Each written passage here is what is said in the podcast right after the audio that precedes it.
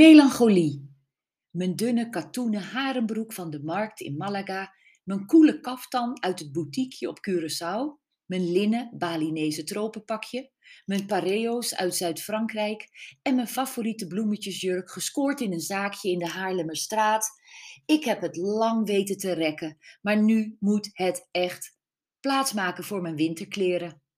Ik wissel elk half jaar mijn volledige garderobe. Ik trek er een halve dag voor uit. Sluit de gordijnen en ontdoe me van al mijn kleding. Dan kieper ik alle planken, lades en hangkasten leeg. Trek alles nog één keer aan en neem dan stuk voor stuk afscheid van mijn geliefde textiel. Dag halterjurk, tot over een half jaar. Ciao, sleehakken, jullie gaan knus bij elkaar in de schoenenzak. Bye bye babydoll, je plekje wordt ingenomen door mijn rode flanellen pyjama. Ik voel de melancholie. Vraag me altijd af in welke staat ik mijn dierbare kleren over een half jaar weer aantref.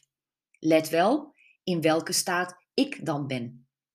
Toen ik mijn vrolijke zonnehoedje opborg, dat ik kocht met mijn lief aan het meer van Lugano, had ik niet gedacht dat ik zes maanden later bij het tevoorschijn halen gescheiden zou zijn.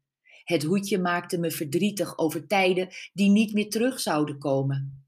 De avondjurk die mijn vader me zo mooi vond staan, kreeg een andere betekenis toen hij een paar maanden na het overlijden van mijn vader uit de motteballen kwam. Linda de Mol heeft ooit ergens iets gezegd over kerstdagen. Dat je je, als je ouder wordt, op een dag realiseert dat je de meeste kerstjaren hebt gehad en er nog maar een paar te vieren zijn. Fatalistisch schiet het door mijn hoofd als ik de stapeltjes t-shirts wissel voor dikke truien. Zal ik ze nog een keer dragen?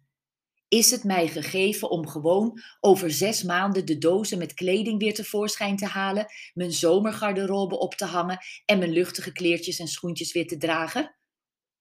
Ondertussen orden ik mijn wollen majo's, stof mijn laarzen af en hang mijn vesten op kleur. Elk kledingstuk heeft haar eigen verhaal. Het zijn souvenirs van een leven tot nu toe vol geleefd. Hallo, gebreide pompomlaarsjes uit New York, rode jurk uit Domburg en leren jas van de Eihallen. Welkom terug, ik ben blij en dankbaar dat ik jullie weer zie.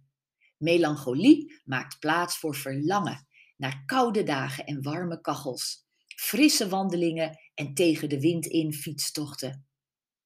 Een mooi winterseizoen. Liefs, Nanette.